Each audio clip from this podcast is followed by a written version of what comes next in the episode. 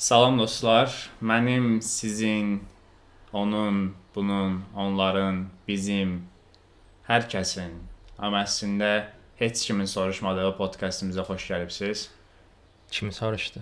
Bilmirəm. Biz bu zarafata görə çox təəssüflənirik. Kim soruşdu? Artıq bir dəfə başlatmışıq deyə. Nəysə. Bu davam eləyəcək belə. Kədərlənirik. Yazırlar bizə də. Podkastı paylaşanda da kim soruşdu falan. Bu arada demək istəyirəm ki, orijinal zarafat deyil uşaqlar. Yəni, Orijinal deyil. yox, insanların gəlib kim soruşdu yazmağa. Ha, orijinal deyil. yazır. Bəli. Bizimki də bilmirəm adımız orijinaldır yoxsa. Adını vermək istəmirəm. Bir nəfər həm Facebooka, həm YouTube-a kim soruşdu yazıb. E, e, yəni, okay my boy. Necə ağlına gəldi? Wow. Nəysə. Giriş çox uzun oldu. Başlayırıq. Başlayaq. Birinci, a, bilməyənlər üçün bu arada deyim ki, bizdə content belədir ki, birinci hissədə ə, baş verən xəbərlərdən, yəni kino dünyasından, anime, manga və sair dünyasına baş verən mövzulardan danışırıq. Məsələn, DiCaprio-nun təzə kinosu və s. belə şeylər. Və yaxud da ki, Jared Leto yenə hansısa bir kinoda bərbal aktyorluq edib falan. Bəli. Digər hissədə isə seçdiyimiz iki film haqqında danışırıq və bunu da səhifəmizdə elan edirik əvvəlcədən. İzləmirsinizsə Kaino səhifəmizi izləyin. Kaino.az Instagramda, Bütün Facebookda, Twitterdə. Bəli. Hə, birinci xəbər son illərin və dünyanın ən yaxşı filmlərindən biri olan Sonic 3 haqqında danışır. Sonic 2 rekord e, açılış e, bir oyun adaptasiyası filminə görə ən çox açılış gəliri əldə edən film rekordunu. Bundan əvvəl Resident Evil idi. yox. Təxmin elə hansı film idi? Okay, Mortal Kombat. Sonic 1. Ciddisən? Ayda. Üçüncü də Detektiv Pikachu olmalı idi. Ondan sonra Hamısını səhv dedim lan.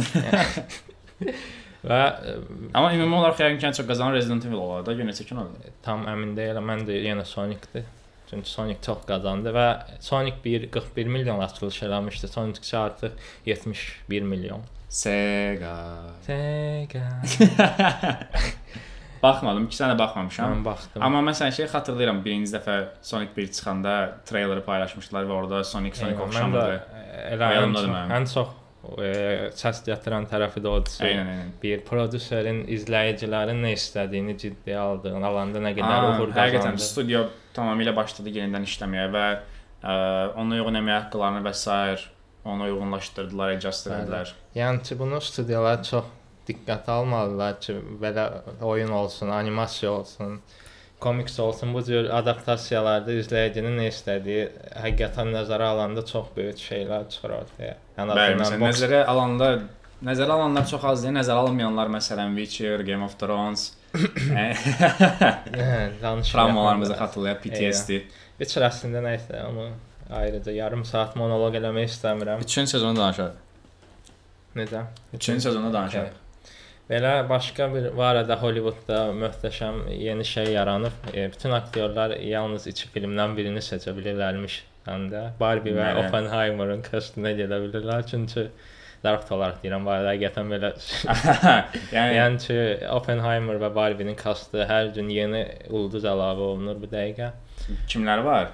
Məsələn, Barbie-də Ryan Gosling. Barbie Greta Gerwig'in idi də. Greta Gerwig'in kinosu idi deyəsən. Yoxsa Noah Baumbach idi. O ikisindən biri idi. O- Barbie şeyin idi. Hayda. Nəysə, onlardan biri idi. Greta deyəsən. Gerwig'di mən bilən. Greta Gerwig. Aha, sən danış, mən bir dənə dəqiqləşdirim. Okay, Oppenheimer-da Christopher Nolan'ındı. Artıq Ha, çəkilişlər də başlanıb, şeyin şəkillərini gördüm. Robert Greta Gerwig'dən. Aha, əla. Robert Downey Jr. və e, Peaky Blinders-dakı m- m- nə idi? Oradan Peaky buradan Blinders. Thomas qaqaş- Shelby-yə, Eynən, Thomas Adronun Shelby. salam. qaqaş- Thomas Shelby və Robert Downey Jr. E, şəkilləri də çıxdı artıq. Həmcinslərimizin storylərini bəzəyən. Bəli. Hamısının secret gay olduğunu göstərən. E, TikTok mahnısı var arxada belə siqaret çək. Hə. Ümumiyyətlə kasta baxmaq istəyirsən belə 55 dənə aktyor çıxır. Barbie-də yoxsa Oppenheimer? İkisində də Barbie Barbie-də nisbətən Ay, daha aşağı. təxmini bilirəm əslində, amma tam detalları bilmirəm. Barbie-də də səhv eləmirəmsə əsas Ryan Gosling-la e, e, Margot Robbie olacaq. Amma yəni kim istəsən tapa bilərsən. Onları birinci dəfə də eyni kinoda görürük. Yox, Big Short-da da var, amma eyni səhnədə olmayıblar. Eyni kinoda olublar, amma eyni səhnədə olmayıblar. Hətta yenə Emma Stone deyəsən çağırmaq istəyiblər, amma Çox yaxşı olar. Mən Emma Stone və Ryan Gosling universe-ını çox xoşlayıram. yəni demək olar bütün kinolarına baxmışam da. çox hamısını birləşdirirlər. səhnədə belə kimyaları. Hə təsəvvür belə multiverse amma Ryan Goslinglər Drive-dan falan gəlirlər belə. Emma Watsonlar gəlirlər, Emma Stone sonra. maraqlı olar. Eee başqa Blue Sky Studios çox Hə, Emosional. scrat, scrap, skrat, scrat. Okay. çox emosional deyə biləcəyimiz bir əlvida videosu paylaşdı. Monopoliya qarşıyıq. Bəli, Disney-in hər şeyi almağına qarşıyıq. bu arada Monopol dəstəkçilərindən üzr istəyirik. Sizləri yadlaşdırmırıq sadəcə. Yəni məncə bu ə, Hı -hı. indi bir neçə studiyalar alırlar da. İstərsəniz məncə DreamWorks-ın, ümumiyyətlə bu Blue Sky Studios-un və s. bunların hamısının özünün bir dəst xətti var idi. Disney-də bunların əksəriyyəti eyni streaming servisdə yayımlanacaq deyə və Disney-nin ümumiyyətlə özünün bir ailə siyasəti var deyə istərsəniz hamısı eyniləşir. Və bu məni narahat edir. Amma həmçinin bunun sayəsində də artıq ə, indie animasiyalar ön plana çıxır. Çünki insanlar fərqli şeylər axtarırlar. Ki məsələn keçən il Wolf Walker çox məşhur idi. Eynən. Hətta mənim favoritim idi. Ümumiyyətlə eyni studiyada birləşməyin yəqin ki, ən çox komiks fanatları sevir çünki illərdir, eynən, illərdir X-Men-dən Avengers-ı bir yerdə görmək istəyən əminəm ki, milyonlarca insan var. Amma belə yenə düz deyirsən, məncə də ümumiyyətlə studiyaları da nifrət eləmək istəyən insanları tamamilə başa düşürəm. Ümumiyyətlə məncə studiyaları bəyənməyə ehtiyac yoxdur. Yəni, Adamlar iş Mən görürlər. elə insanlar görmüşəm studiya müdafiə edirlər, eynən. studiya millətçilər, studiya faşistisən sən falan. Bəli. studiya faşistlərinə üzr istəmirik bu səfər. Heç bir faşistdən Studiya faşizmindən Dumbledore və Grindelwaldın yeni fantastik biz filmində bilirsən ki, bəzi şey səhnələr vardı, homoseksuallıqla bağlı səhnələr. Onları Çin bazarında silib salıblar. silib salır yoxsa orada senzurlanıb? E, Senzuralanmayıblar. Yox, özləri Şərtə studiya açıqlama verib ki, Çindəki izləyicilərimizin də filmdən zövq alması üçün Ha, yəni silinməsin, orada belə yayımlansın çox deyə. az səhnə var. Şey səhnə yox idi, yəni sadəcə göndərmə var idi onların keçmişinə bağlı. Onu da aradan qaldırıblar bu. Nə düşünürsən? Yəni Çində homoseksual yoxdur da. yəni o Çində izləyicilər zövq almırlarmış belə. Yəni onsuz da mənim bu hətta bizim də bu Çinin Çinə qarşı bu qədər şey olmasına, məsələn, Shang-Chi idi. Çində. Yəni məsələn indi onun adını düzəlməli deyə bilmirəm. Çindən məzələndi deyə Marvel artıq Çin bazarına çıxa bilmir. Yalan deməyəcəyik məsələn. Deyəcəm yəni sırf Çin oynaması üçün elə şeylər. Hə. Məsələn artıq ə, filmlərdə falan da Asiyalıları çox ön plana çıxardırlar ki, bunu dəstəkləyirəm əlbəttə, multikultural və s. amma burada həmçinin Disney-in, yəni onsuz da biz fərqindəyik ki, hər hansı bir kinoda gey belə varsa, bu adamların o geyi ora qoymaları səbəb odur ki, bəs geylər də bizi izləsin. Yəni əslində əsas məqsəd də odur zaten. Elə olmalıdır ki, adamlar empatiya qura bilsinlər personajlarına. Amma studiyalar bunun empatiyasına görə yox, gətirəcəyi bilet satışına Yəni görə baxırlar. studiyalar onsuz da puldan başqa bir şey düşündüyünü fikirləşən varsa, Amma yenə məsələn maddi olaraq eləsələr belə, ən azından eləyirlər deyə, okeyəm. Amma bir şey var da, bunun məsələn biri var, yaradıcı özü, məsələn studiya yox, yaradıcı özü əlavə eləyəndə bu adətən daha şey hekayəyə bağlı. Hə, əlbəttə. Bir də Məsələn, var zorla salmaq elə. aha, Sifarişlə salmaq. eyni Disney həmçinin Floridada qeylərə qarşı çıxan Eynən Disney senatorları falan maliyyələşdirirdi bir ara falan müzakirə eləmişdi onsuz da. qısacası pul pul pul deyə. Yəni elə bir şey yoxdur. Yəni Fərqinləri yarada bilərik və salam. başqa Doctor Strange-in ön biletinin ön satışları çıxdı və maraqlıdır ki, e, Doctor Strange-in ilk günündəki hələ ön satışdan danışıram amma ilk günündəki ön satış sayı Batman-in ilk e, gündəki bilet sayından daha çox çatdı. Əslində e, bu da əsas Marvel-in o 155 min dənə filmin bir-biri ilə bağlanması. Davam epizodu çıxırmış kimi. Game of Thrones-un yeni sezonu çıxanda Eynən. məsələn mən o insanların birliyini görmüşdüm Mən bunu səfər. şeyə görə əlavə elədim. Marvelin həqiqətən o qədər filmi e, necə e, biraz çox riskli gəlir əslində. Yəni təsəvvür eləyin 55 dənə film yığmış, üst-üstə qoymusunuz, domino daşları kimidir. Bir çap elədikdə hamısı dağılacaqmış. Məndə elə Hə. böyük risk var. Bir də ə, məsələn bunlarda şey məsələsi də var. ə, elə sən dediyinə görə safe oynayırlar da onsuz da. Yəni filmlərdə radikal dəyişikliklər və s. Baş vermir. Əksəriyyəti eyni struktura uyğun davam edir. Biraz yaradıcı. Hətta bu Doctor Strange-in yeni filmində Sam Raimi rejissoru idi və o Sam Raimi bu arada Spider-Man-dən sadəcə tanıyırsınızsa, onun əslində qorxu arxivi olub. Qorxu filmləri background olub və Spider-Man-də də hiss eləyə bilərsən. Aha, Spider-Man-də də var zaten ikinci Çox kinoda çox var belə. hə. O Doktor Octopus'un həkimləri məhv elədiyi səhnə var Hətta belə. Spider-Man-də belə e, jump screen-lər falan var. Aha. Risk. Və elə bununla bağlı məsələn Sam Raimi orada əslində Doctor Strange çox fərqli perspektivdən yanaşıb qorxu filmi kimi eləmişdi. Sadəcə olaraq studio Eynən, dəyişdi. təzədən bir də bəzi səhnələri təzədən çəkmişdi, ssenariyə dəyişdirmişlər Kinonu izləmək istəyərdim amma. Qorxu, hə, director cut falan olsa əslində çox super olar. inanmıram olsun, amma yenə də e, həm də mən həm də Marvel artıq Marvel və Disney fərqi yoxdur. Artıq bunun biraz riskini başa düşürlər deyə fikir versən artıq spin-off seriallarına bölünmənin yəqin ki, ən böyük səbəbi budur. Məsələn, Moon Knight çıxır. MCU-ya qədər daxil etmirlər, çünki biraz kənarda. Belə olanda həm də onların yaradıcı daha sərbəst bir e, f- necə deyim, e, rejissora, sənətçara daha çox e, limitləri daha uzağa çəkirdi, daha Hə. çox sərbəst verir. Məsələn, Eternals, Daha böyük alan verirlər də oynamağa. Eyni Eternals məsələn çox tənqid olundu, amma bunu ən yaxşı eləyənlərdən biri idi. Çünki Zhao. eynən çox e, sərt mövzulara toxundu Hə. falan və hekayə də o qədər Yəni aidiyyət olmadı. o kinoda ilk belə 18 plus səhnələr var idi deyəsən Marvel kainatında. Də bu spin-off seriallar ümumiyyətlə insanlarda belə bir şey yaradıb artıq son vaxtlar görürəm daha doğrusu çox internetdə və s. uzun kinoları falan belə tutoriallar olur və yaxud da ki guide-lar olur. Ə, Bələdçidə bir növ və həmin infografik kağızlarda, şəkillərdə bir filmi 4 yerə bölürlər. Məsəl üçün Dune filminə necə mini seriyası kimi baxmaq olar. Birinci hissə məsəl üçün 1-ci dəqiqədən 32-ci dəqiqəyə qədər, ikinci hissə 32-dən 53-ə qədər və s. Yəni insanlar artıq oturub bir kinoya 2 saat vaxt ayıra bilmirlər və Disney də bunun fərqindədir deyə spin-offlar çıxardır. Həmçinin spin-offlarla da streaming servisinə çox adam yığır.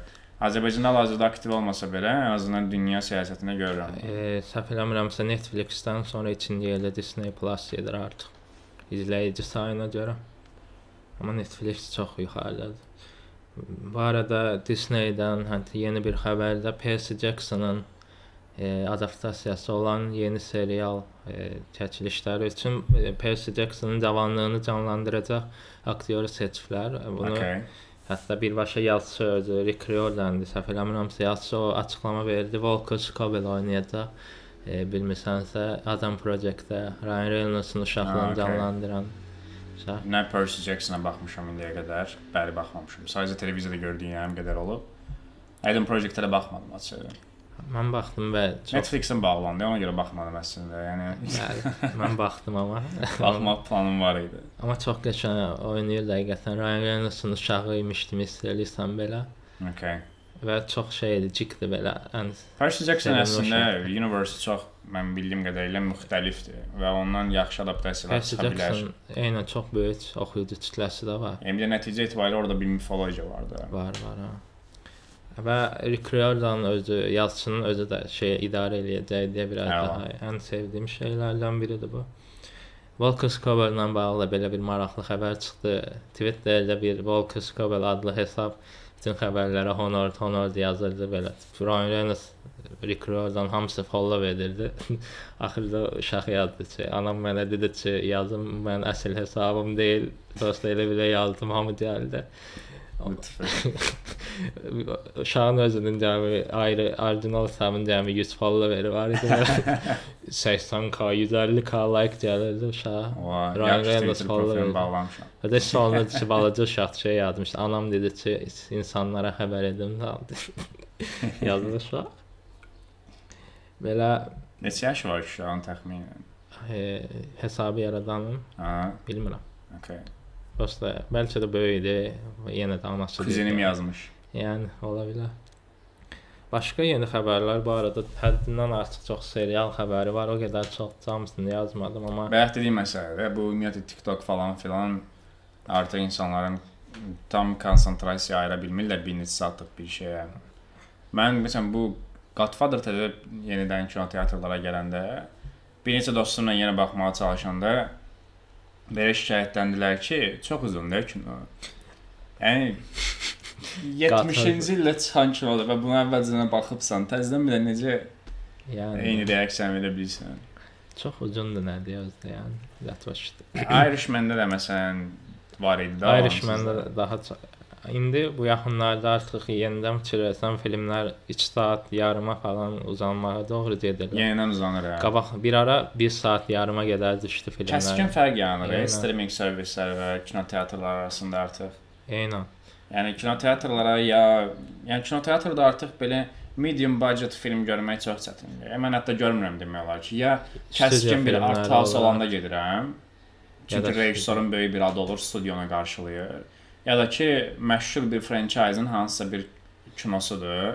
Ya da məşhur üçün bir atıram. Marvel, Star Wars, Dune. Yəni bu ortada medium bir şeyə baxmaq üçün getmirəm məsələn. Yəni mən uzağı aktyora görə gedə bilərəm. Hə, və bu mediumların hamısı da streaming servislərdədir. Netflix onsuz buraxdı 10 kinodan Yəni, 8-i medium. Onsuz bizim kino teatrlara gəlmirlər belə yəni. Bir də gəlmirlər onsuz da, hə, yəni. Bir də ən əsas qabaq fikir versən seriallarda oynayan aktyorlara baxanda filmlərdən fərqli olduğunu hiss edirsən də keyfiyyət. Məsələn, filmlərdə oynayır Brad Pitt, DiCaprio seriala gəlirdi nisbətən daha az Aha. görə bildi. İndi e, baxsan Seriallara da böyük aktyorlar Andrew hə. Garfield, e, Kate Blanchett və s. və Yəni mən məsələn xatırlayıram Peaky Blinders-da şeyin gəldiyini, ə, Adrian Brody'nin gəldiyini. Məsələn mən onda şokda idim çünki adətən seriallarda çox güclü aktyorlar görmürsən də. Əksinə serialdan hansısa bir aktyor məşhurlaşırdı. Mən orada Adrian Brody'ni görəndə belə çox həyəcanlanmışdım ki, bir dəqiqə nə baş verir burada falan. mən True Detective-də Matthew McConaughey. Matthew McConaughey ilə. Amma indi məsələn aktyorlar, aktrisalar kiçik çaplı mini seriallarda oynayırlar. James Franco özü müraciət etmişdi 11 22 60 hazırlanması Aynen. üçün. Sonra Emma Stone-la Jonah Hill-in bir yerdə Maniac serisi var. Maniac'ın rejissoru da məşhur rejissoru adını unutdum. Yəni belə şeylər var Rejissorları və bu- unutduğumuz bölümdən xoş gəlmisiniz. Və bu Bütün ə, nəsə son vaxtlarda ümumiyyətlə artır Marvel-a və s. görə. Açıq xoşuma gəlir yəni. Mən serialda da yaxşı bir aktyor görmək Özlərinə də istəyirəm. sərf edir yəqin ki, maliyyə və ya vaxt baxımından. Ola bilər, hə. Yəni çünki fikirləşsən ki, filmin e, çəkilişinə 1 il, 2 il vaxt ayırırlar. Yəqin serialda daha rahat olarlar. Aha. Stranger Things e, 4-cü sezonun treyleri. Trailerı gördüm, baxmadım trailerə, amma bildim ki çıxıb. Sən Sadəcə izləyirdin. bu qədər də, informasiya sayıram. Xoşlayırdın deyə xatırlayıram. Stranger Things çox qəşəng idi. Ə, Mən birinci sezondan ikinci sezonu çox xoşlamışdım. Yəni olmalı olduğu kimi idi də bir növ. Yəni bundan artıq ola bilməzdi onsuz da. Bəs 3. Üçüncü sezonda, yəni tam bu dəqiqədə xatırlamıram, neçə il keçib artıq. Amma üçüncü sezonda xatırlayırdım ki, yəni indi xatırlayıram ki, üçüncü Xatırlamırsan, sezonda sən bəyənmişdim əslində biraz. Yox, molda falan olmuşdu Hə. hadisələr. Bir dənə canavar var idi, molun içində dalaşırdılar falan. Hətta Max adlı personaj təzə gəlmişdi, o Ginger qız.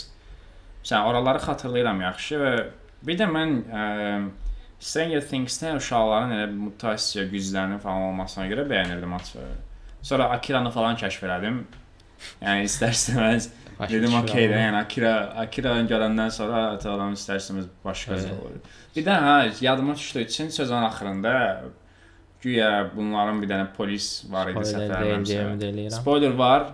Stranger Things-ə baxmayıbsınızsa, bu bir, 15 saniyə qabağa ötürə bir bilər. dəqiqə qabaq. 1 dəqiqə o. Stranger Things-in üçün sezonun axırında polis var idi. O ölmüşdü güya. Hə Nəsə bir portal falan yaranmışdı. Sonra kiçik bir səhnədə göstərdilər ki, Sibirdə falan həbsxanadadır zət. Mən orada dedim, mənim vəssam ciddiyyət öldü də serialın. Yəni bir serial öz quruluşuna, öz strukturuna hörmət eləmirsə, yəni izləyici də ona hörmət eləməyəcək də. Yəni ümumiyyətlə o şey çox nifrət edirəm. Kimsə ölür və kimsə öldüyünü görürük. Əslində tam öldüyünü görmürük.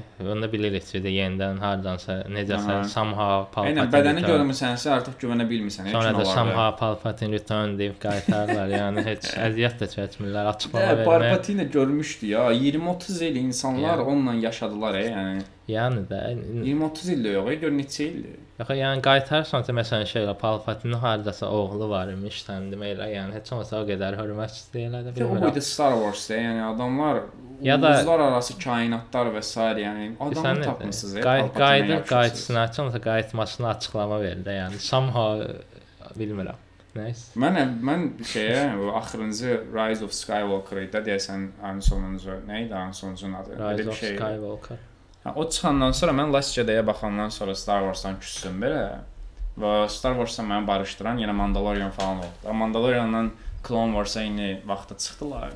Ona görə mən ə, çox xoşbəxt idim ki, bu ikisinin təsadüf etdiyi vaxtda Star Wars eşqim yenə oyandı da. Ə, amma eləmirəmsə ondan sonra Rise of Skywalker çıxdı. Mən ondan sonra Rise of Skywalker çıxdı deyəsən, ya da ondan biraz əvvəl. Tam vaxt yadımda Mandalorian-dan sonra. Tam əmin deyiləm. Mən də e, çox yaxın vaxtlarda Çox yaxın vaxtlar idi. Amma mən yenə dedim ki, baxmayacağam buna. Son vaxtlarda amma bu son vaxtlardır. Mən də daha bu yay. əvvəl üçün universitetdə idim deyə yadımdadır. Hə, bu yay məsələn baxdım. Çox peşman Axırıncı oldum. səhnə yəni. yazıldı. I am Rey, Rey who, Rey Star Wars. Belə min var idi. Hə, bilirəm. E, Çox mənasızlaşdırım. Bir də şey var. Roman İlk, Ray. ilk e, üç filmin hekayəsini eynisini yazıb prosta yerləri dəyişirlərmiş kimi hiss edirəm artıq. Yəni Hə. heç olmasa fərqli bir şey yarat, nə bilim, nə bilim. Yəni Star Wars o, o sonuncu trilogiya haqqında danışmağa belə, Yəni yəni. o sonuncu trilogiya Somehow serial qayıtdı yəni. Bu arada o Sonic-in uğrundan danışdı. Sony-nin e, yeni bir Ghost of Tsushima, Tsushima. Ghost of Tsushima oyununu oynamışdın ya da oyunu baxmışdın. bilirəm hə. Ha, o oyunun filmi çıxacaq. Mən e, çox bəyəndiyim oyunlardan biri idi və rejissoru Chad Stahelko idi. E, Keanu Reeves'in oynadığı filmin John adı Wick. neydi? John Wick Chad filminin. rejissoru. Stahelski. Ha, o. Ha, o Adını deyəmədim. Deyə bilməm nə. O super rejissor. Hə, əslində o stunt double olub. Ona görə o döyüş səhnələrini yaxşı çəkir. Nə olub? Stunt double. Şeydə Ha. nə deyirlər ona bizə dublyor da deyəsən. Dublyor yox. Dublyor yox. Double'dur da, yəni əvəz eləyən onu Okay, döyüş səhnələrini falan. Ona görə o vizyon vardı ya döyüş səhnələri olmalı və s. Ghost John Wick ona görə yaxşıdır. Ghost of Tsushima-da nə edə bilər açığı bilmirəm. bu oyunun əs çox bəyənilən tərəfi Yapon mədəniyyəti, belə mənzərələr, Yapon mədəniyyəti və s. idi. Onu Crossover yansıtmalı yaşasaydı. idi. Necə? Crossover Eynən crossover göndərmələri və s. çox idi. Sony e, ümumiyyətlə oyun e, Sony son vaxtlar oyunlarda biraz oyun filmlərində biraz e, formulu tutdurub Uncharted-da da xeyli pul qazandılar. Bir də bu məsələn Ghost of Tsushima epik oyundur da. Məsələn Elden Ring də epik oyundur. Və Biz ə, Epic. amma yəni Dark Fantasy falan var amma həmçinin epikdir də. Yəni, Amma məsələn biz şeydə görmürük. Ə, kinoteatrlarda artıq epik kinolar görmürük.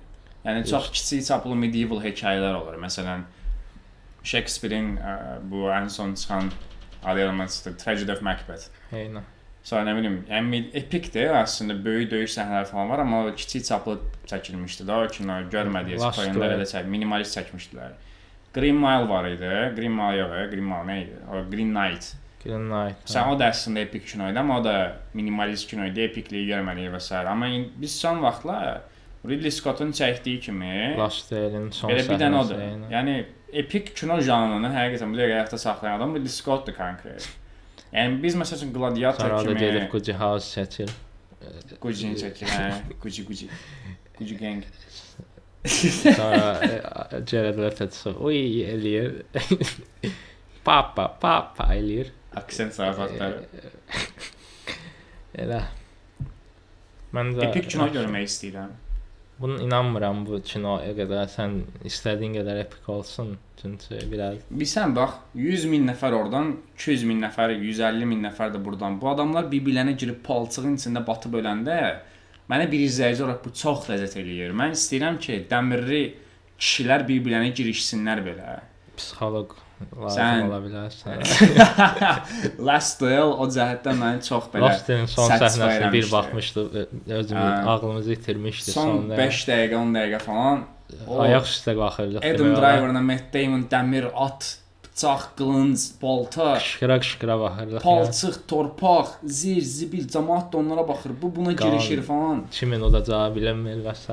Əslində bilinən. Möhtəşəm idi ya ora. Çox. Bir də kinonun əvvəl başlanğıcı da döyüş səhnəsi idi də. Çaya hücum Yəni edirdilər. başda şeylə qorumaq üçün.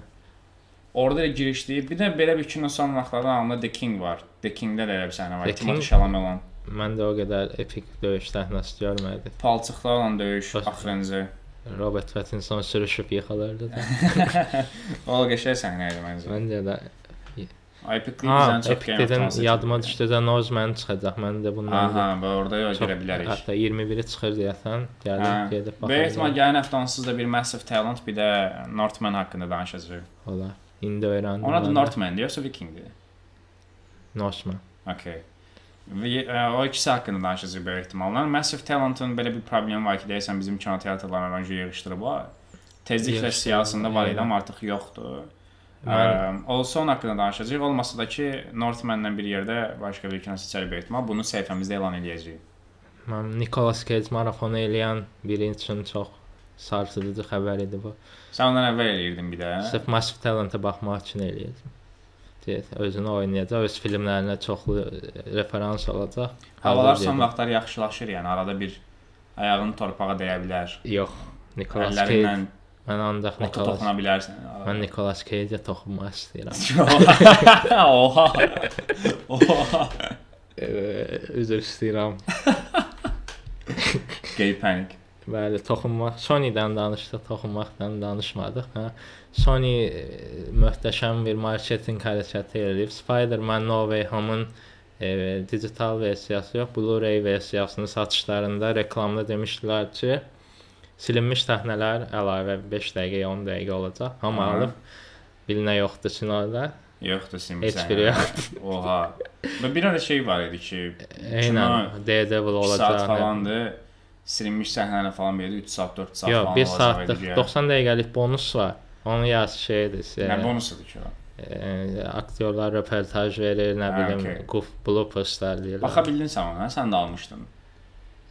Azərbaycanda açılmadı. Blooperslara baxdım, amma YouTube-dan baxdım və hələ də telefonda durur, elə girirəm arada 0 saniyə göstərir. Açılmır. Ümumiyyətlə 10 manat geri aldım amma Apple-dan, bilmirəm nəyin pulu idi, amma aldım. həm yerlimiz Azərbaycanlılar birdən risk edib Amerikan marketindən Apple nə idi ora? Apple kino. TV. nə?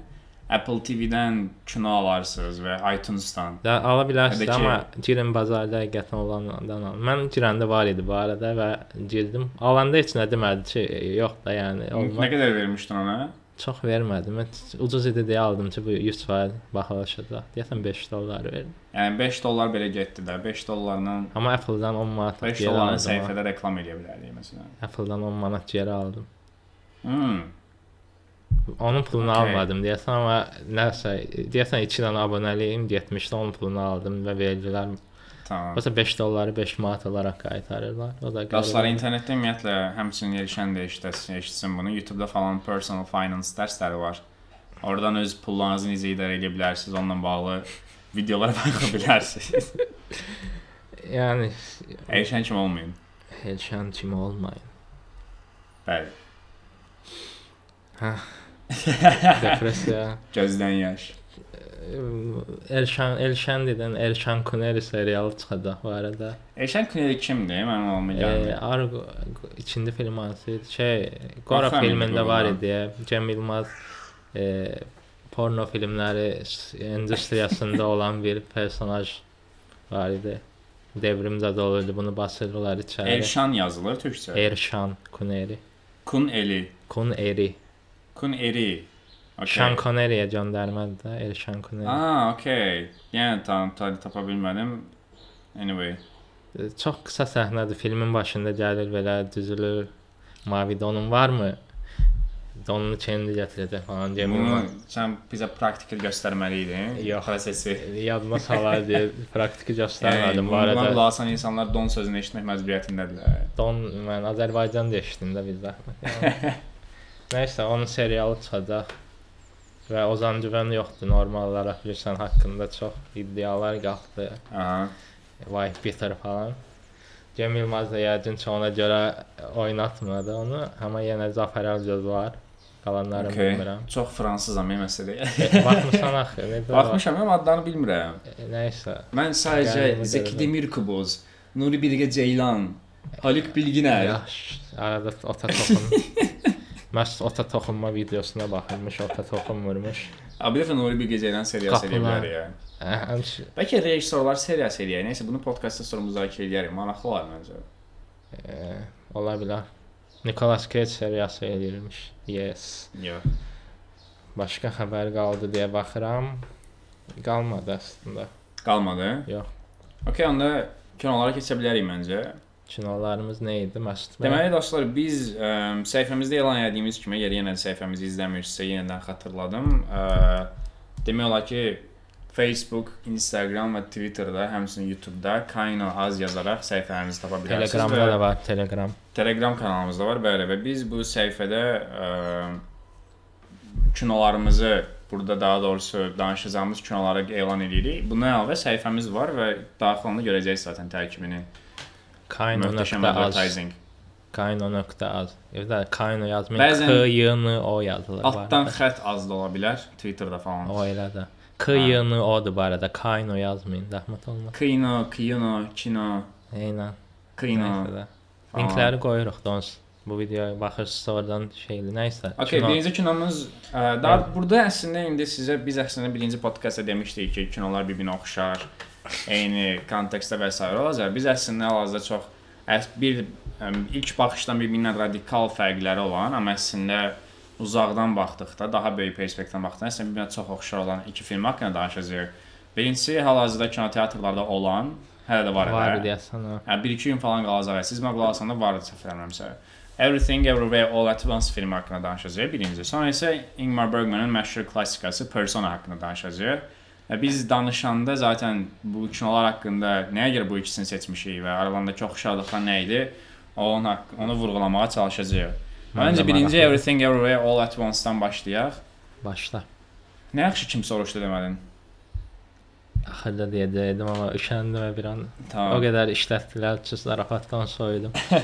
Başa düşürəm. Məndən əvvəl Elşan baxdı Everything Everywhere All at Once-a. Bunun adını hər dəfə belə deyəndə rəhim sıxılır. və çox qısalda.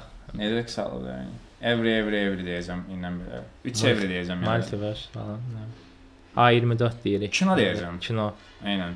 Bu kinoya baxanda açığı bizim ümumiyyətlə kino haqqında heç bir fikrimiz yox idi. Sonra birdən-birə çıxandan sonra Çox böyük. hətta bir neçə günə, səfərimsə 9 aprel 10 apreldə falan yayımlanmağa başladı. Ya da ki 6-7 belə bir şeydir. Eynən. Və yayınlandığı gündən etibarən böyük bir səs-səda yaratdı. Çünki insanlar həqiqətən kinonun tərkibində olan mövzulardan həqiqətən darıxırmış. Bunların detallarına girəcəyik. Və hətta Letterboxd platformasında, əgər məlumatlı deyilsə, Letterboxd IMDb kimi platformadır, amma IMDb-dən daha niş auditoriyası var. Ə, məsəl üçün aralarında bir, bir fərq olaraq deyə bilərəm ki, IMDb-də art house filmlərdə məsəl üçün Filmlərin tweetləri kimi fikirləşirəm. Aynen, yəni. aynen. Məsələn, IMDb-də bəzi art house filmlərdə maksimum 5-10 min review görə bilərsə, Letterboxd-da bu 15 min, 20 min də olur. Daha belə niş, daha belə Hə, humoristik. aynen. Vesairə və ilə axır. Və məncə interfeysi falan da daha yaxşıdır. IMDb əvvəllər daha yaxşı idi, amma artıq yaxşı deyil. yoxlayın. Və Okay. Oranın top 250 narrativ filmlərini, yəni tam metrajlı filmlər arasında birinci yerdədir hal-hazırda siyahıda. Wow. Yəni biz də bunu görəndən sonra dedik bir buna baxaq. Rotten Tomatoes 197 vermişdi. Aha, və baxdığımız üçün açığı çox-çox xoşbəxtik. yəni Çünki o kino həqiqətən bizə göstərdi ki, sinema nədən ötürü var. Biz kinoteatrlar medium olaraq nə qədər əhəmiyyətlidir. Biz əslində bundan əvvəlki podkastda müzakirə eləmişdik ki, rejissorlar üzümüzə baxa-baxa hər şeyi izah eləməsinlər kinoda. Və biz bu filmdə əslində vizual, vizual mediumdan necə maksimum dərəcədə istifadə etmək olar, detallarına qədər görürük. Yəni həqiqətən vizual show idi o həmin film. Həmçinin hekayə necə yazılar, necə nə qədər absurd olsa belə hekayəni necə toparlaya bilərsən və s. Kinodan çox razı qaldım mən. Yəni Bir... Yəni məncə kinoteatrlar həqiqətən belə filmlər üçün var. Yəni. Yəni mən bu bu kinoya telefonumda baxsaydım və yaxud da ki, televizorda baxsaydım çox peşman olardım. Və mən hal-hazırda çox xoşbəxtəm ki, mən bu filmi kinoteatrda Təcrübəni baxmaq bölüşə şərəfindən nail olmuşam. eynən. Təcrübəni bölüşə bilirsən. Məsələn, mən getdiyim üçün o teatrda çox az adam var idi. 6 ya 5 ya 6. Bu arada spoiler olacaq. Spoiler alert, spoiler alert, spoiler, spoiler. spoiler, olsa. Olacaq, olacaq. Okay. Spoiler. Nəysə, hə, mən getdiyim üçün o teatrda 5-6 nəfər var idi və amma buna baxmayaraq həyatımda bir Məndə də 4 nəfər idi. bir kino teatrda eşitdiyim ən çox gülüşü orada eşitmişdim yəni. Yəni məsələn kinoda bir səhnə var, ə, baxanlar indi çox yaxşı biləcək. Ümumiyyətlə kino multiverse kinodur və indiyə qədər baxdım ən yaxşı multiverse filmdir. Multiverse anlayışı hal-hazırda çox formalaşıb. Və həqiqətən ən yaxşı işləyən kinolardan biri budur və personajlar bir yerdə ə, kainatlar elə bir kainata gedirlər ki, orada yaşam tam formalaşmayıb və bu ikisi qayadır. Qaya Hmm. kanyondur belə və bu iki personaj qayaya çevrilir orada. Və orada əslində ə, müzakirə elə ki, qaya olmaq necə rahatdır və s. falan. Eynən. Amma kinonun fəlsəfəsinə, simvolikasına falan girmədən əvvəl o qaya olduqlarına görə anlıq belə bir sakitçilik, yəni sadəcə alt yazı ilə söhbətləri görürük və Eynən. kinoteatrda o sakitçilik adama elə möhtəşəm effekt verir. Elə inklüziv hiss Sən də edirsən qayaymışsan kimi olsan bir. Eynən bir adicə güləndə belə o gülüşün səsini eşidirsən. Adam məsəl üçün normalda kinoteatrlarda səs o qədər gür olur ki, insan öz səsini bəzən eşitmir. Eynən. Amma mən orada güləndə 4-5 nəfər dolanda ümumiyyətlə kim necə səs çıxarsa onu eşidirdim və s. və o vizual düz qabağında idi falan möhtəşəm təcrübə idi. Ümumiyyətlə təsəvvür elə bir filmə gedirsən və sənin qarşına 2 dənə qaya qoyurlar və sən o səhnədən zövq alırsansa deməli həqiqətən mükəmməl. Qaya və iş. qayaların üzərində 2 dənə göz var. Yəni göz sonradan yaranır amma. Yəni məsələn mən o kinoya baxandan sonra fikirləşirdim ki, ümumiyyətlə recency bias deyilən bir şey var. Bu recency bias o deməkdir ki, yenilikcə nəyəsə baxandan sonra insan istərsəməz onun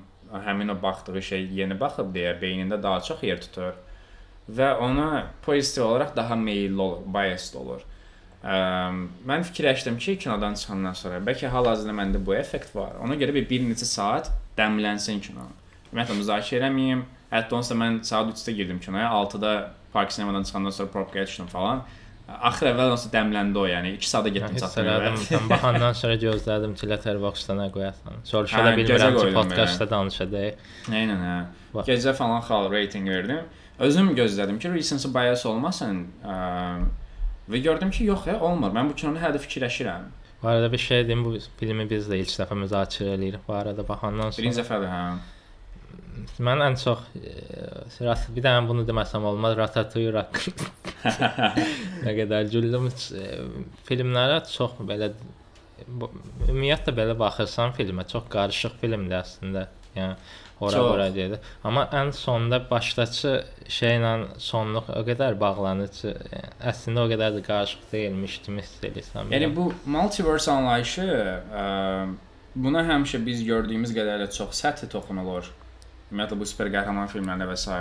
Bu kinoda ona dünyanın mənası, varlığın mənası Eynən. və s. perspektivindən yanaşılır deyə və bütün bu multiverslərin arasında bir insan həyatı nə qədər mənasız ola bilər və eyni zamanda əslində nə qədər mənalı ola bilər və s. bu kimi mövzulara toxunur deyə həm ə, kinonun vizuallığı bir tərəfdən, kinematografiyası bir tərəfdən, həm kinonun tərkibində danışılan mövzular və s. bir tərəfdən.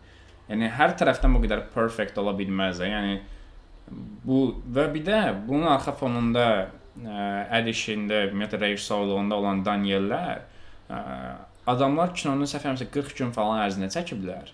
Çəkilişlər 40 gün ərzində olub. Və üçün çox az deyil. bu aha mən elə ona görə deyirəm. Vizual effektləri üçün sadəcə 7 nəfər işləyib. Vah. Və bu kinonun vizual effektləri Marvel-dakı bütün vizual effektlərdən daha yaxşıdır. Yəni Mən belə vizual effekt çox az görmüşəm. Nədən? No Way Home-un boş-boş. Eynən, eynən. O qədər möhtəşəm vizual effektləri var və normalda məsələn Dune-u biz nəyə görə bəyənirik? İçində çoxlu praktiki kinematografiya elementləri var da. Məsəl üçün hər şey CGI deyil. Bu kinoda CGI-dən CGI üçün istifadə ediblər. Praktiki elementlərdən də həqiqətən büdcələr az olduğu üçün və bu əslində Saskadan. şeyə çox vurğulayır bu arqumenti ki, büdcə nə qədər az olsa, nə qədər limit olsa, o qədər çox kreativ. Yaradıcılığa o qədər məcburiyyət. Məsələn, əlində bir imkan varsa, ona e, büdcə varsa, 1 milyon varsa, onu istər-istəməz effekt verəcəksən də, yəni adam Eynən, tapacaq. heç vecinə də olmayacaq. Bir də var ki, əlində cəmi 15 manat var, sən çalışacaqsan ki, nə qədər realistik eləyim. Aha, Məsələn, bunu bunu da biz onu görürük. Kubrickin filmləri, möhtəşəm ən, ən yaxşı nümunə Kubrickin filmləri deyərdim ki, Kubrickin çəkdiyi çox az büdcəli filmi bu dəqiqə 7 milyard milyon töküb e, düzəldə bilməyən studiolar var. Aha. David Fincher də elədi məsələn. eynən, Hətta bu az büdcə ilə çox şey bacarmaq çox təqdirə layiq şeydir. məndə də. Bu arada kino ilə bağlı mən kinoya baxanda bir yerli fikirləşdim ki, bunu necə axırını tamamlayacaqlar. Çünki çox ortaya töküldü hər şey. Yəni bunu necə yığıb yığışdırmaq çox çətin məsələ idi Aha. mən. Hətta orada bir dənə fake ending səhnəsi oldu ya. Hə. El, hamı bir an çaş qaldı. eynən. E, mən Ağəli ilə getmişdim Ağəli. Yox, yox, qurtarmadı. Part 1 falan. Çox heyecanlandım elə. Sonra rahatladıq. Yəni sonda amma hər şey, yəni yəni, film qutaranda deyə bilərsən ki, bu film sadəcə ailə içi münasibətləri ələ alan bir film idi desən, yəni heç kim deməz ki, səhv deyilsən. Eynən, eynən. Yəni və bu budur da məsələ. Bu qədər mürəkkəb, yəni mediumu bu qədər mürəkkəbləşdirib əslində çox sadə məsələdən danışmaq. Ə, Sənət. yəni çünki bu normalda məsələn orada baş personaj ə, Çinli miqrantdır, Amerikada yaşayan və paltar yuyan bir dənə biznesi var. Paltar yuyanlar var içində və kirayə ilə, icarə ilə paltarı yuduzdururlar və s. Elə bir yer işlədir və elə iş yerlərinin yanında da balaca bir evləri var, ailədə boşanmaq hissləri var. Qız lezbiyandır və bu arada qızın ə, cinsəl yönəliminin həqiqətən kinoda bir rolunun olması məni çox əzizlədi. Eynən çox az görür. Bayaq Yəni mən heç danışdığımız orada mövzu sunilik, ssenariyə qəsdən daxil olunsun və s. kimi heç nə Eynən, bayaq istəmirəm. danışdığımız mövzu elə demək olar bu filmdə yəni. Aha, eynən.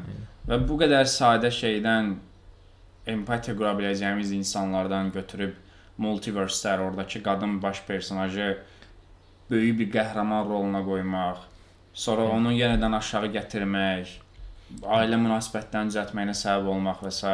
Bir dənə film düşünün ki, siz əlləri saçqa olan bir personajla empatiya qura bilirsiniz, yəni o dərəcə. Yəni ki, bu Və film çox gülməli idi bu arada bunu qeyd Ümumiyyətlə kino haqqında deyə biləcək məncə ən yaxşı odur ki, ümumiyyətlə 10 ildən, 15 ildən və s. bir belə bir film çıxır. Bu həqiqətən kino üçün unikal hadisədir və eyni zamanda da çox nadir hadisədir. Ona görə əgər ə, hal-hazırda da varsa, mütləq kinoteatrlara gedib baxın. Mən Scorsese-nin e, s- statını gətirəcəm. Dizi sinema. Poetik sinema. Bu arada mən tənqidimi eləmək istəyirəm, amma bunu filmə yox, e, park sinemaya deyə bilərəm. Film mən ingiliscə getmişdim. E, Altyazı rusca idi. E, norm burası, bura kimi normaldır. Filmdə mandarincə danışılan bir neçə səhnə var. Çox uzun səhnə var bu arada. Eynən, bayağı dialoq var və bizə altyazı olaraq heç nə vermirlər, ancaq rusca altyazı verirlər və bir rus dili bilməyən insanlara oturub mandarincə danışıqlara baxırdım, Aha. başa düşməyə çalışırdım. Buna görə zaten çox çətin oldu əslində. Normalda belə olanda, yəni bir iki dəfə olub belə səhnələr ingiliscə yazılır, altından rusca yazılır. Məsələn, Godfather-da İtalyanca səhnələrdə. Aha. Niyə olmadı bilmirəm.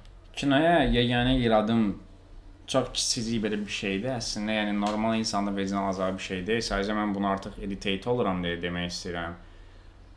Bax, orada müasir dövrdür də, multiverse-dir yəni. Niyə kompüterlərdə, hacking səhnələrində falan, niyə hələ də retro elementlərdən istifadə edirlər? Loki-də də retro var. Yaxud dediyim Maniac serialında da retro var. Adamlar time travel edirlər, zamanda səyahət var, amma yenə də elə bil 90-cı illərin kompüterlərinin effektini verir. Niyə hələ də belədir bu? Maraqlı mövzudur. Yəni bu estetik olaraq da yaxşı görünmür artıq. Yəni mən bunu neçənci dəfədir görürəm, təkrara çevirib belə. Amma yenə də nə bilim Back to the Future-da istifadə olunan kompüter elementlərini yenə görürəm. Nə qədər Şeydə, olar da? Xət-xət yaşıl ekran Hə, çıxır. hə, eynən. Yəni bəsdir də, qurtarmadı. Bu biz bunu keçdik axı. Əslində bəs əslində o bilmirəm.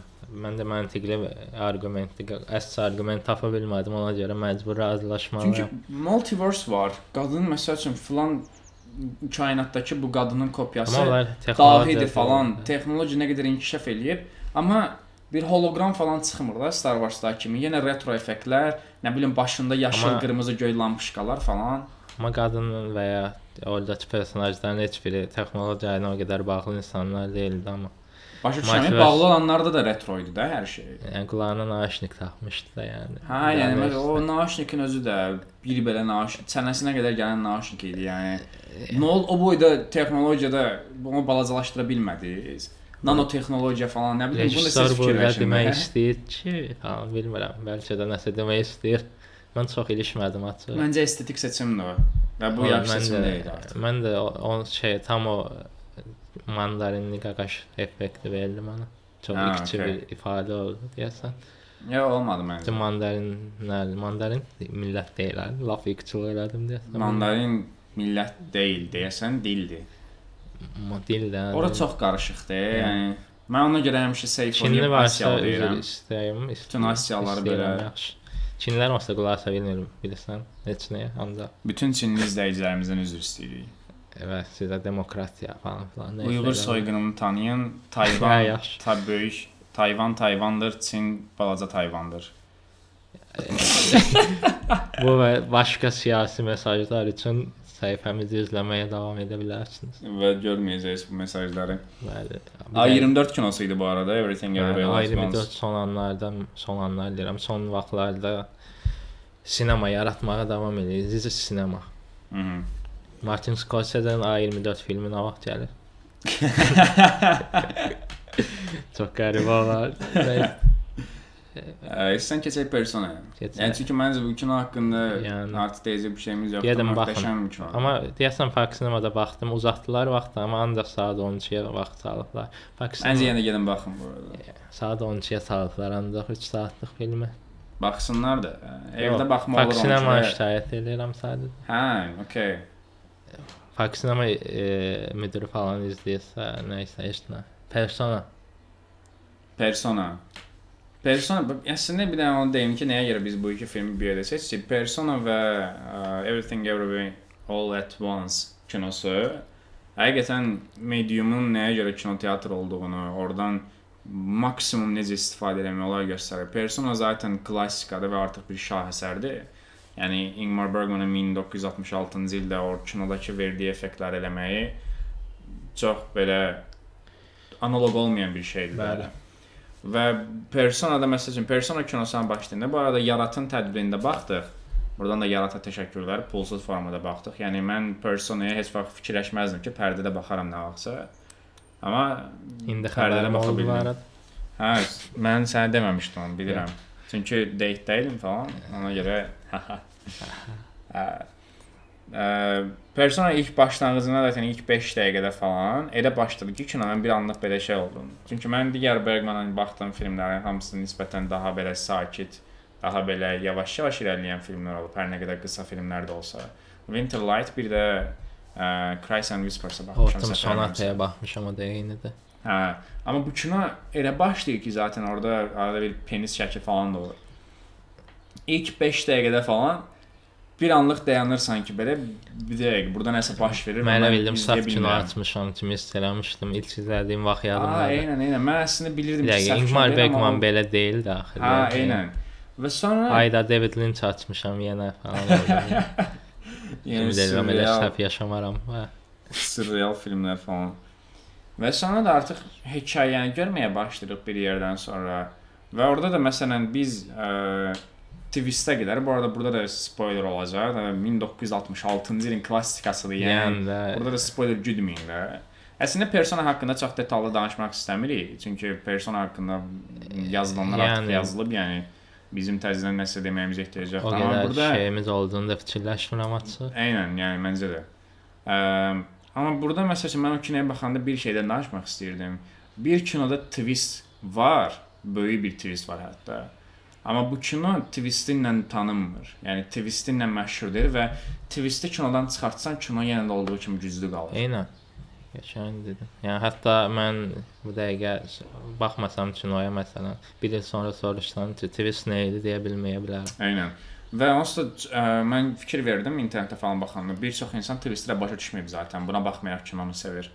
Yəni onu da məncə necə başa düşmürlər bilmirəm. O açsa aydın bundan aydın necə Yəni ola bilərdi? heç. Mən ümumiyyətlə persona ilə bağlı e, fikrim odur. Ən narahat, məni ən çox narahat edən filmlərdən biridir ki, e, ikinci dəfə baxmadım ona görə filmə, çünki ilk dəfə baxanda e, bilmirəm, Çünki çox narahat ə, olmuşdum.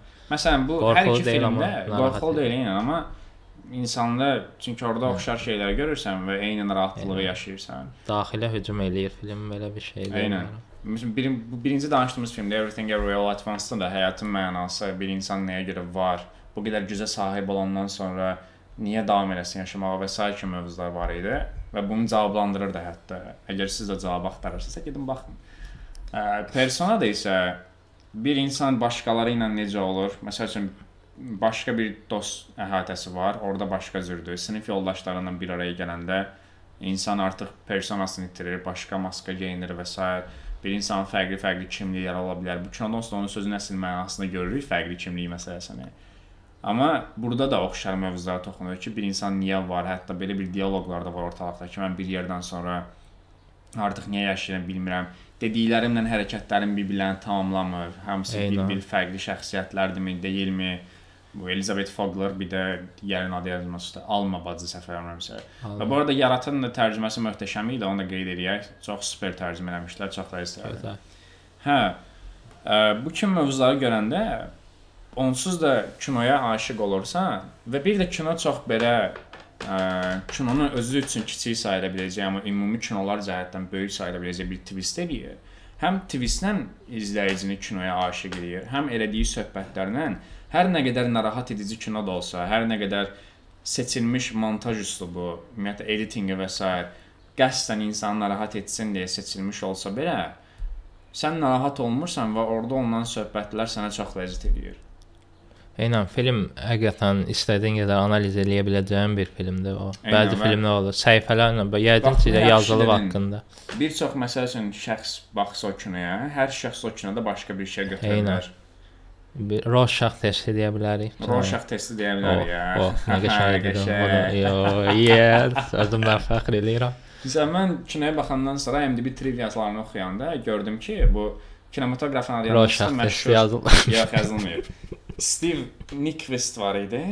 Ya, Kinematografın adı yadımdan çıxdı. Ingmar Bergmanla həmişə işləyən. Bu ikisi İsveç qaqaş. İsveç qaqaş İsveç deyil deyil, məncə, Finlandiya artıq qaqaş deyil məncə. Okay. O Hə. çox seksist oldum durduq Yox, yerə. məncə ölüb ya ondan ona görə. O vaxt da qaqaş idi. Hə, Nəysə, bu çox önəmsiz mövzudur, buyur. Ə, orada məsəl üçün ikisi bir yerdə danışıblar ki, medium shotlar sıxıcıdır. Medium shot bilirsiniz nədir? Çiyindən məsəl üçün biz seriallarda da, kinolarda da insanları çiyindən etibarən görürük. Bəli. Yəni qolunun biraz aşağısından yuxarı. Amma bu ikisi danışanda Ingmar Bergman deyirlər ki, medium shotlar sıxıcıdır.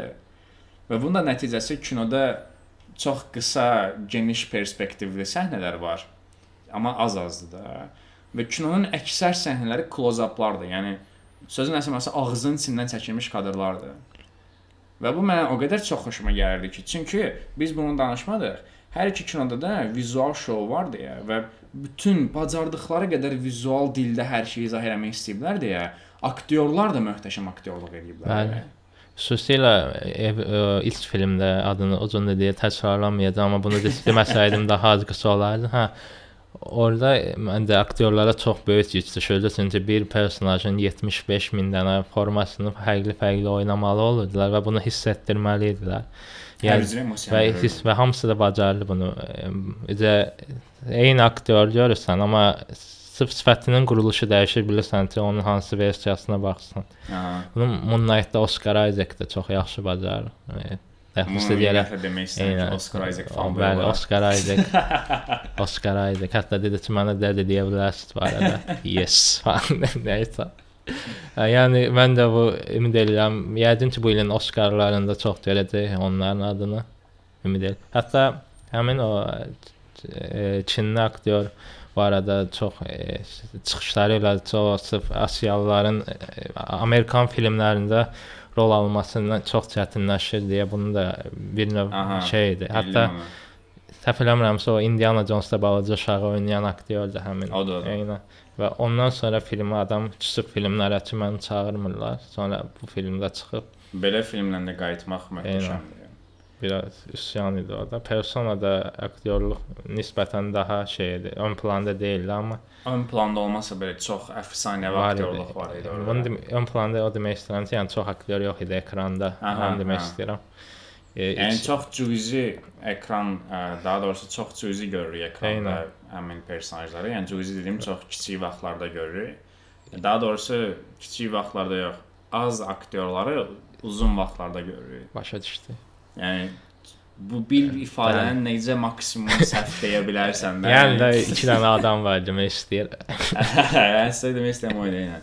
Bir də qəşəng xanımlar idi. Yəni mən kaş personaya da əslində bu qədər gecikdirdiyim üçün çox xoşbəxtəm ki, nə qədər formalaşmışamsa o qədər.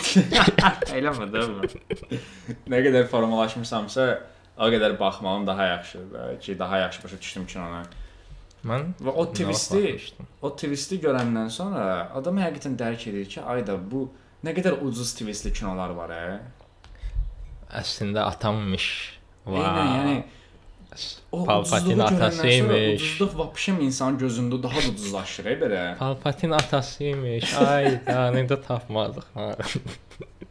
Amma bu kinoda elə belə naxış kimi işləyiblər axı ssenarini, bu da Ilman Bergman. Ssenari yazmanın nə qədər önəmli olduğunu bu üç film bizə göstərir. və onu vizual olaraq necə Bəli. mediumda istifadə edə Ssenari və e, vizuallığın birləşməsi. Hə, Ayrı-ayrı yaxşı olan filmlər də var. Amma bunlar ikisi birləşəndə həqiqətən də şahəsər çıxır. hər iki kino kinematografik olaraq şahəsərdir. Bəli. Digəri yavaş-yavaş Everything Everywhere All at Once bu hələ ki zamanı var. Eynən. Persona zaten artıq Şərab zamana kimi. görə də özünü sübut kinodur onsuz da. Şərab kimi yaşlanacaq filmlər. Yəni qatılıram.